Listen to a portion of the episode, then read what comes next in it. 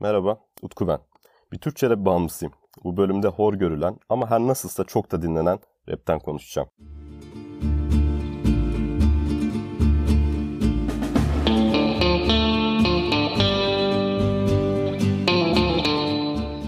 Türkçe rapten konuşacağız dedik. Türkçe rapi konuşmadan önce benim Türkçe raple ilişkim ne?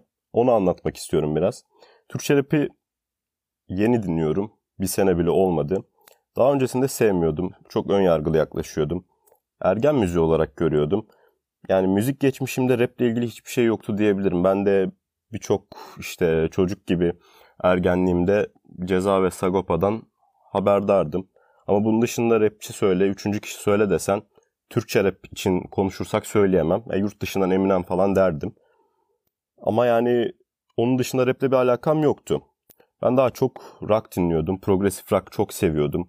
Pink Floyd'u çok seviyordum. Zaten tüm müzik dinleme olayım benim Beatles'la başladı. O dönemler İngilizce pek yoktu. Hatta hiç yoktu. Yani e, anlamıyordum. Neler dinlediğimi bilemiyordum. Sadece melodisine dikkat ediyordum. Veya işte Translate'ten çevirip bir şeyler anlayabiliyorsam eskiden Translate çok kötüydü çünkü. Onu anlıyordum.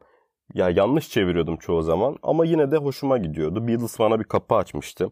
Hatta İngilizce öğrenmek konusunda bile Beatles bana bir kapı açtı. Beatles'ı dinledim. Sonra Beatles'ın melodileri, anlayabildiğim kadarıyla sözleri bana basit gelmeye başladı. Evet çok seviyordum hala ama bir aşama daha üste geçmek istiyordum.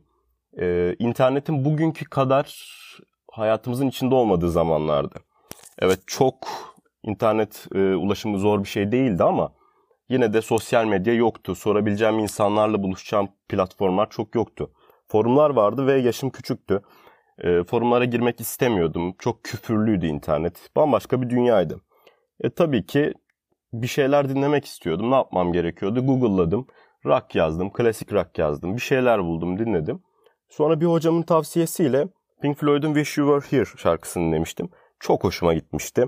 Anlamı, sözleri, çevirilerine bakmıştım. Çok hoşuma gitmişti. Bir Pink Floyd dönemi başladı bende. Pink Floyd dönemi başlayınca her şeyi küçük görmeye başladım. Hatırlatayım yaşım küçük bu arada. Ya dedim müzik bu işte bunun üstü olamaz yani. Klasik müzik çok sıkıcı bana gelmez. E bunun aşağısı bunun aşağısı da yani ne bileyim anlam ifade etmiyor bana. Müzikal olarak bir şey yok diyordum. E bu tabii ki bir yanılmaydı. Küçük bir çocuğun yanılmasıydı. Pink Floyd'dan sonra biraz daha kulağım gelişti ve enstrümantal parçalara da yönelmeye başladım. Film müzikleri olsun, klasik müzikler olsun. Hala klasik müzik çok sevdiğim bir şey değildir ama bazı parçaları severim. E, Vivaldi falan severim örneğin. Türkü dinliyordum. Ben bağlama çalıyordum. Birçok enstrüman denedim aslında ama bağlama da karar kılmıştım. Özel kursunu alıyordum. Ona yeteneğim olduğunu düşünüyordum. Onun üzerine yoğunlaştım. Diğer şeylerden uzaklaştım. Elektro gitarım vardı. Çalmadım, çalamadım. Ne derseniz artık. Ondan sonra sıra bağlamaya geldi.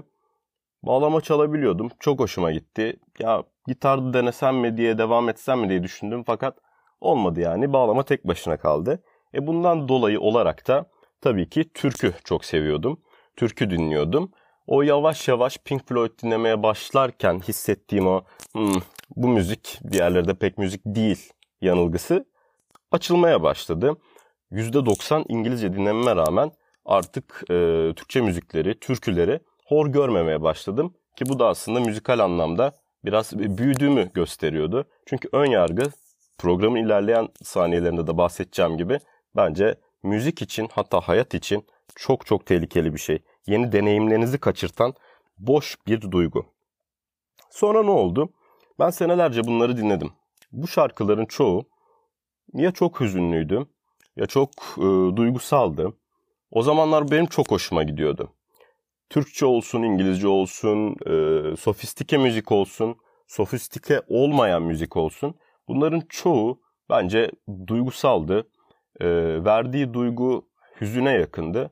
Böyle çok gaz parçalar yoktu. Evet metal de dinliyordum, hard rock da dinliyordum. Ama yani bana kalırsa piyasanın çoğunluğunu onlar oluşturmuyorlardı. Sonra vakit geçti ve ben müzikten soğudum. Yani müzikten soğunabilir mi? Bazı insanlar müzik sevmez. E ama yani ben bunu duyduğumda şaşırdım. Bir insan nasıl müzik sevmez ya? Yani müzik sevmemek demek yani çok genel bir şey. Bunu genelleyemezsiniz. Şunu sevmiyorum, arabesk sevmiyorum, Türkçe sevmiyorum, yok İspanyolca sevmiyorum diyebilirsin de full olarak, bütün olarak bir müzik sevmemek ilginç geliyordu. Ama bunu yaşadım. Kınamadığınız şeyi yaşamadan ölmezmişsiniz gerçekten. Eh, ondan sonra böyle bir döneme giriş yaptım. Müzikle hiçbir alakam yoktu. Hayatımda çok büyük değişiklikler oluyordu. Ee, artık hüzünle benim bir bağım kalmamıştı. Tamamen kendimi, kendi gelişimime adamıştım. Spora başlamıştım. Pozitif duygular. Her şey çok güzel ama müzikte ben bunu yakalayamıyordum. Böyle müziklere ulaşamıyordum. Ve bu ne zamana denk geliyor? Yaklaşık olarak bir, bir buçuk sene öncesine denk geliyor. Böyle bir süre yaşadım. Hayatım gittikçe pozitife gidiyordu. Fakat o en sevdiğim grupları bile dinleyemiyordum. Çünkü bana bir şey ifade etmiyordu ve müzikte en önemli şey size bir şey ifade etmesi. Neyse. Vakit geçti. O sıralar sanırım evet Norm Ender'in parçası çıkış yapmıştı. Mekanın sahibi. Ben Norm Ender'i biliyorum. Eksik Etek diye bir şarkısı var. Hiç de sevmediğim bir şarkıdır bu arada. Ergenliğimden hatırlıyorum şarkıyı. Aa dedim Norm Ender ne yapmış falan. Girdim disine baktım. Yok yani dedim bu kötü. Ben rap dinlemiyorum ama ben bunu hiç beğenmedim. Herkes çok beğeniyor. İşte Ezel'e cevabını vermiş, şuna cevabını vermiş. İyi de dedim yani güzel değil yani. Kime cevap verirse versin. Ben bunu tartışmıyorum. Bu basit bir şey. Bu rap bile değil yani. Rapten uzak bir şey gibi geldi bana dedim. Nitekim öyleymiş de. Çok sonra fark ettim. Normender severler kızmasın bu arada. Dis yazdım. YouTube'a dis yazdım. Ya dedim dis yazınca ne çıkacak?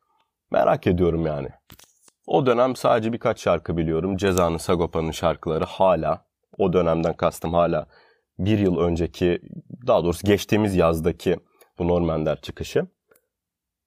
Baktım e, ilk çıkan şarkılardan birisi Patron'un. Patron ismini duyduğumu hatırlıyorum ama bir şarkısını dinlememiş olabilirim. Onu hatırlamıyorum. Muhtemelen daha önce hiç Patron dinlememiştim.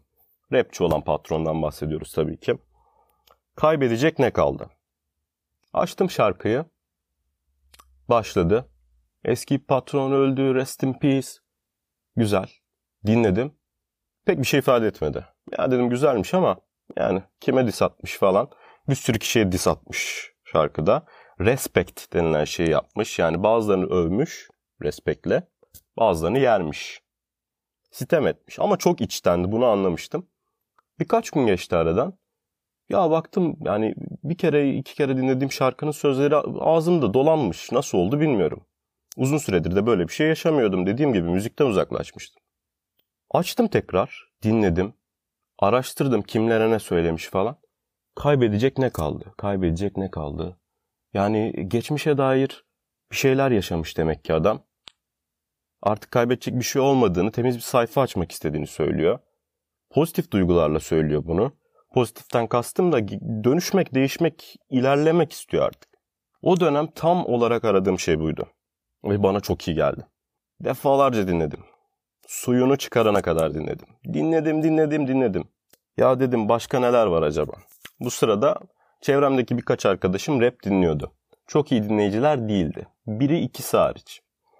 Bir arkadaşım, ismini burada zikretmiyorum ama ismi T ile başlıyor. Buradan selam olsun hep raple ilgili bir şeyler söylerdi. Eskiden beri takip ederdi. Konusuna fikrine güvendiğim bir insan. Çoğu konuda da böyle. Ya dedi işte şu var bu var falan. Din, dinlemiyordum yani ben onları çünkü yani bana çoğunlukla bir şey ifade etmiyordu. Dinlediklerimi de hatırlamıyordum çünkü bence o kafaya daha ulaşamamıştım. Yani ön yargımı kıramamıştım. Bu çok tehlikeli bir şey aslında. E ne oldu? Ondan sonra ben onun dediği, önerdiği gruplara bakmaya başladım. CEG'e baktım ilk önce. CEG, C-E-G bilmeyenler için. Trapanasyon diye bir albüm var. Bu arada trepanasyon kafayı delme işlemine denir. Trapanasyon yapmış ve e, bana kalırsa Türkçe rapteki en iyi trap albümü. Neyse dinledim. Bir şarkı dinledim. iki şarkı, üç. Bütün albümü dinledim. Müthişti. Ya dedim bu insanlar dolu. Lirikalite denen şey bu insanlarda var. Bu insanlar da doluymuş. Bu insanlar da bir şey biliyormuş. Benim ön yargım boşunaymış. Dinledim ve dedim ki bu adam beni anlatıyor. Bu adam beni anlatıyor. Ondan sonra dinlemeye devam ettim. Jack bana bir kapı açtı.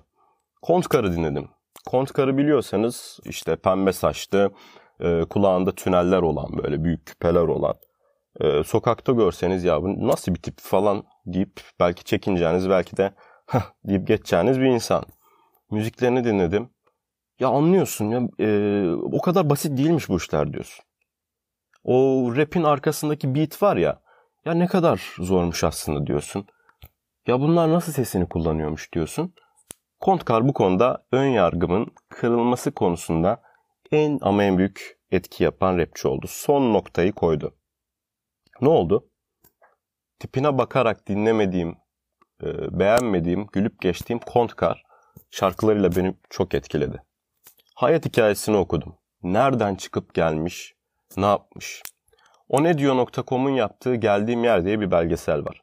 Rapçilerin hayatlarını geldikleri yerleri gösteriyor ve hepsi bu proje için bir tane şarkı üretiyorlar. Bir tane parça üretiyorlar. Beat yeni, sözler yeni yazıyorsun ve bununla ilgili bir albüm de var. Spotify'da yine bulabilirsiniz Geldiğim Yer albüm diye. Orada Kontkar'ın Geldiğim Yer şarkısını dinledim. Gerçekten çok etkilendim. Araştırdım, belgeselini izledim. Adam kendini var etmiş. Arkadaşları uyuşturucuya, çetelere, hapislere düşerken o müzik sayesinde, rap sayesinde kurtulmuş. Bu beni etkiledi. Rap olmasından dolayı etkilemedi. Beni etkileyen şey dezavantajlı konumdaki bir insanın çalışarak, inandığı şeyi yaparak üste çıkması, kendini ve belki çevresindekileri de kurtarmasıydı. O mesela o belgeselde, geldiğim yer belgeselinde Kontkar'ın annesini gördüm. Kontkar'ın ismi Onur diye biliyorum bu arada. Yanlış olmazsa. Orada annesi diyordu ki işte ben işte yabancı müzik dinliyordum. Onur'a da dinliyordum. Ona bir şey aşılatıyordum. Ya dedim bu rapçiler sadece rap dinlemiyor ki. Onlar da bizim gibi süreçlerden geçtiler. Onlar da normal dinleyicilerin süreçlerinden, yaşadığı süreçlerden geçtiler. Ne oldu? Onlar da bir şeyler dinlemişler, öğrenmişler ama rapte karar kırılmışlar. Kimisi türkü söyler, kimisi başka şey yapar. Kimisi marş söyler. Buna ön yargıyla yaklaşmanın bir manası yok. E, sonuç olarak e, bu Kontkar'ın hayatta etkiledi. Sonra daha da çok araştırdığım rapçilerin hayatlarını, Ceg'in hayatını, işte patron hayatını ki bu arada patron ailesi de yani babası beyin cerrahı, annesi hmm, şey diyebiliyorum. Lisede sağlık öğretmenliği yapıyor Mersin'de diyebiliyorum. Sonra Kontkar'ın e, işte belgeselini izledim dediğim gibi. E, Ceg'in çıktığı yeri babasıyla yaşadıklarını öğrendim. Hepsinin arkasında bir şey var. Hepsi dolu. Sonra fark ettim ki ben çok çok ama çok büyük şeyler kaçırmışım. Ve bunu tamamen ön yargıdan kaçırmışım. Ya Türkçe rap de dinlenir mi ya? Diyordum kendi kendime. Bunu belki dinlendirmem, e, pardon, dillendirmemiştim ama böyle düşünüyordum ya. Evet, böyle düşünüyordum. Benim için rock'tı, işte Pink Floyd, enstrümantaldi. Çok sofistike şeylerdi. Ya ve bu arada bunları da hala dinliyorum. Çok da güzeller. Ama Türkçe rap'in tadı bir farklı geldi. İşte bu geçtiğimiz yazdan beri yaklaşık olarak ben neredeyse tamamen Türkçe rap dinliyorum. Türkçe rap e, Spotify listesini takip ediyorum. Bunun dışında sevdiğim sanatçılar var. Twitter'larını, Instagram'larını takip ediyorum. Ve bunu seveceğini düşündüğüm arkadaşlara da aşılamaya çalışıyorum. Çünkü bana bunu bir arkadaşım aşılamıştı. Ya diyorum şunu dinlesene bak ön yargılı yaklaşma. E, buradaki amaç ne? Yani ben Türkçe rap'in elçisi miyim? Çok mu şey biliyorum? Hayır. Ama yani insanların buna karşı bir ön yargısı var ve ben bunu kırmak istiyorum. Evet, girizgahı yaptık.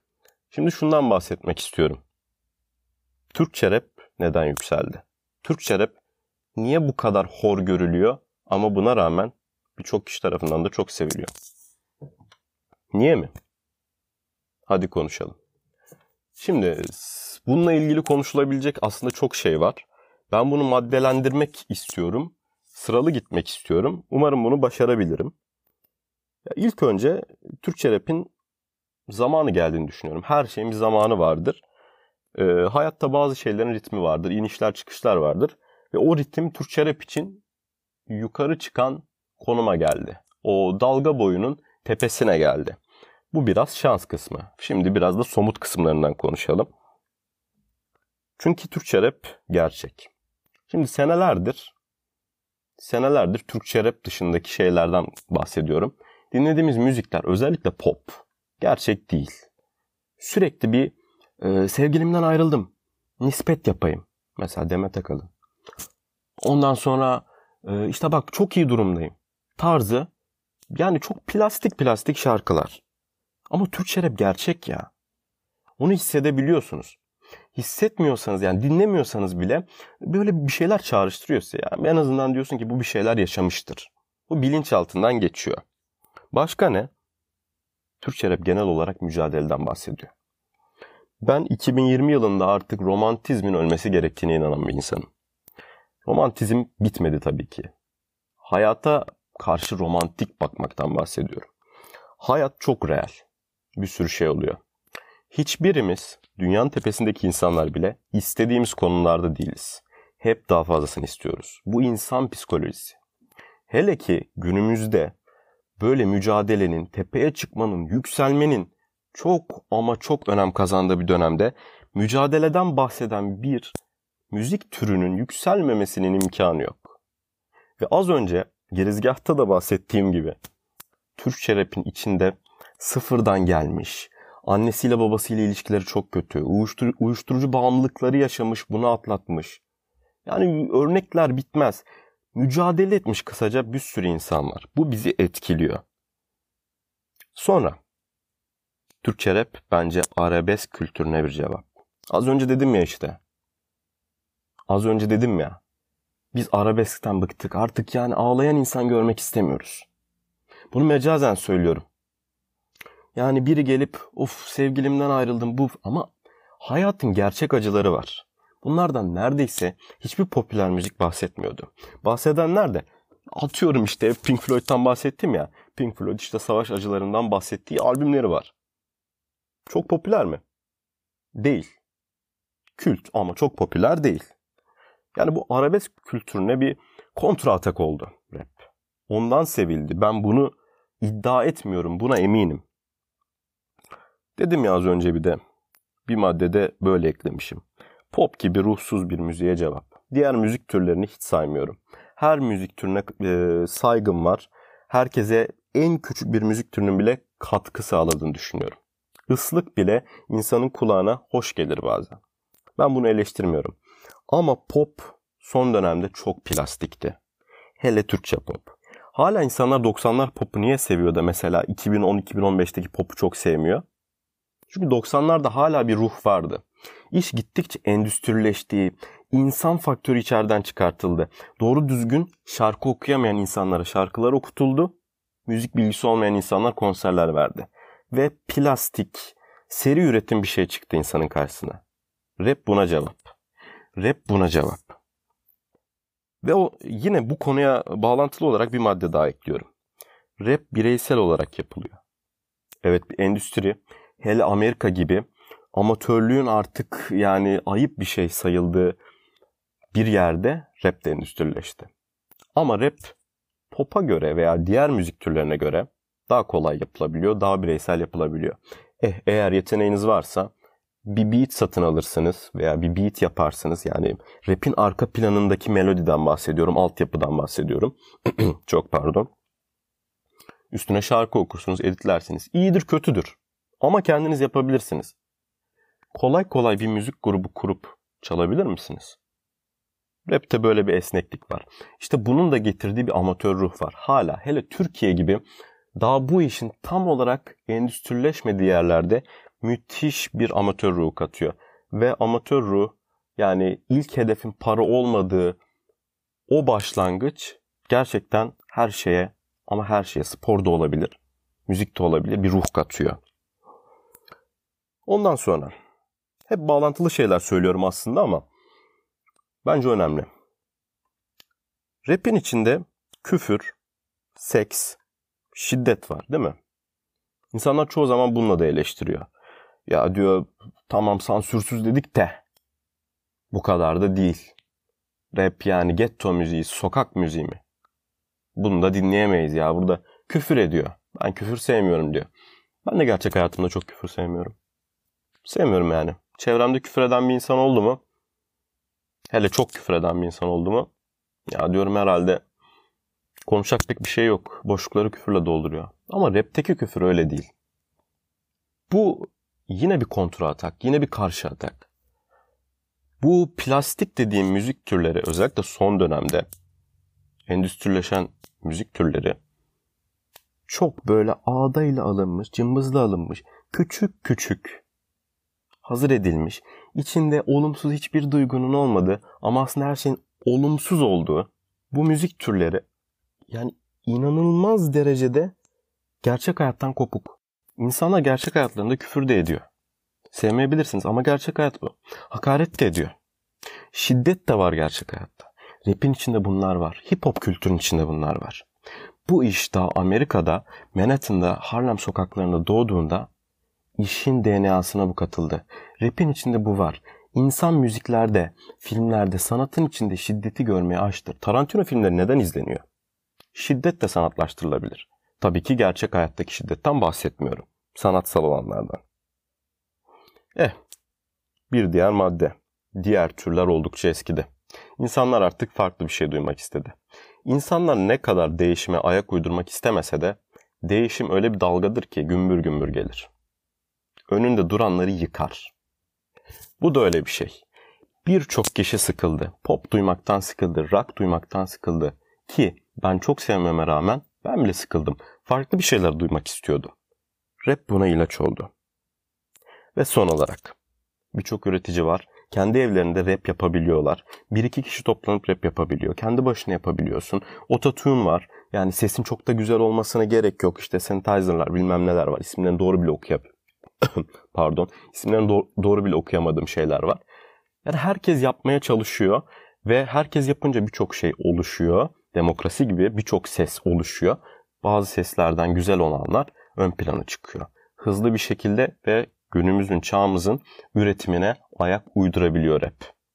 Diğer müziklerin yapması bu kadar kolay değil. Kolay olmamasının sebebi rap'in basitliğinden dolayı değil. Tekrar ediyorum. Diğer müziklerin çok endüstrileşmesinden dolayı. Evet.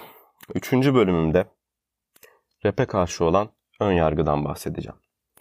Evet, her şey gibi insanoğlu ilk önce ilk gördüğü şeye nasıl ön yargıyla yaklaşıyorsa rap'in çıkışına da öyle yaklaştı. Rap çok uzun bir süredir aslında var. Harlem sokaklarında çıktı, tüm dünyaya yayıldı. Türkiye'ye geldi, senelerce underground kayıtlar yapıldı ve bugün popüler oldu, in oldu, mainstream oldu. Ve insanlar ön yargılı yaklaştı. Bu da şarkı mı ya? Abi bunlar da sanatçı değil. Ya arkaya bir tane bir şey koyuyorlar işte beat mi diyorlar ne diyorlar okuyorlar geçiyor. Bu kadar kolay mı? Şunu konuşalım. Hayatta her şey dışarıdan olduğuna göre, normal olduğuna göre daha kolay gözükür. Şu an podcast yapıyorum ya. Aslında o kadar zor bir şey ki konuşmak. Normal hayatta konuşabilirsiniz. Ama burada konuşmak zor. Birileri video çekiyor ya. Ya çekilir be abi. Bir müzik basarsın arkaya. öyle değil o iş işte. Şimdi niye ön yargılı olmamalıyız? Lafı uzatmadan girelim. Ön yargı kötüdür. Sizi hayatın tatlarından uzaklaştırır. Rap için de böyle. Dinle abi. En fazla 2 dakikan 3 dakikan gidecek. En uzun rap şarkısı ne kadar? En uzun Türkçe rapte bildiğim şarkı 20 dakika. Merak etmeyin. Genelde Türkçe rap şarkıları 3 dakika 4 dakika. Birkaç tane dinle. İlla sevdiğim şeyler bulacaksın. Bulamadın mı? Ziyanı yok. Ben de rap sevmiyorum dersin. Ama bu rap'in kötü olduğu anlamına gelmez. Sen sevmiyorsun.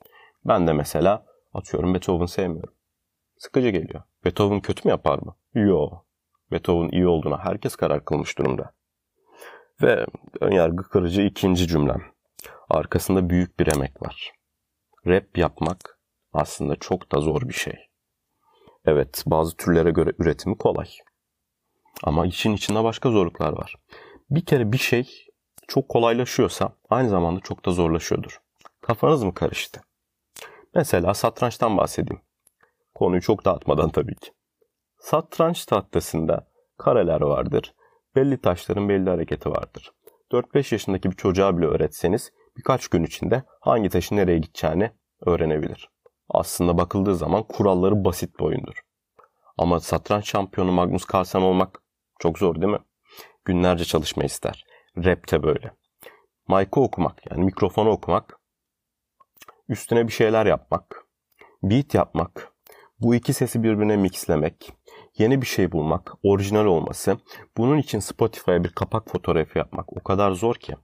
Bir de klip çekiyorsan of. Para istiyor. Zaman istiyor. Özveri istiyor. Yetenek istiyor. Yani senden ne verebiliyorsan onu istiyor. Yani bu da şarkı mı?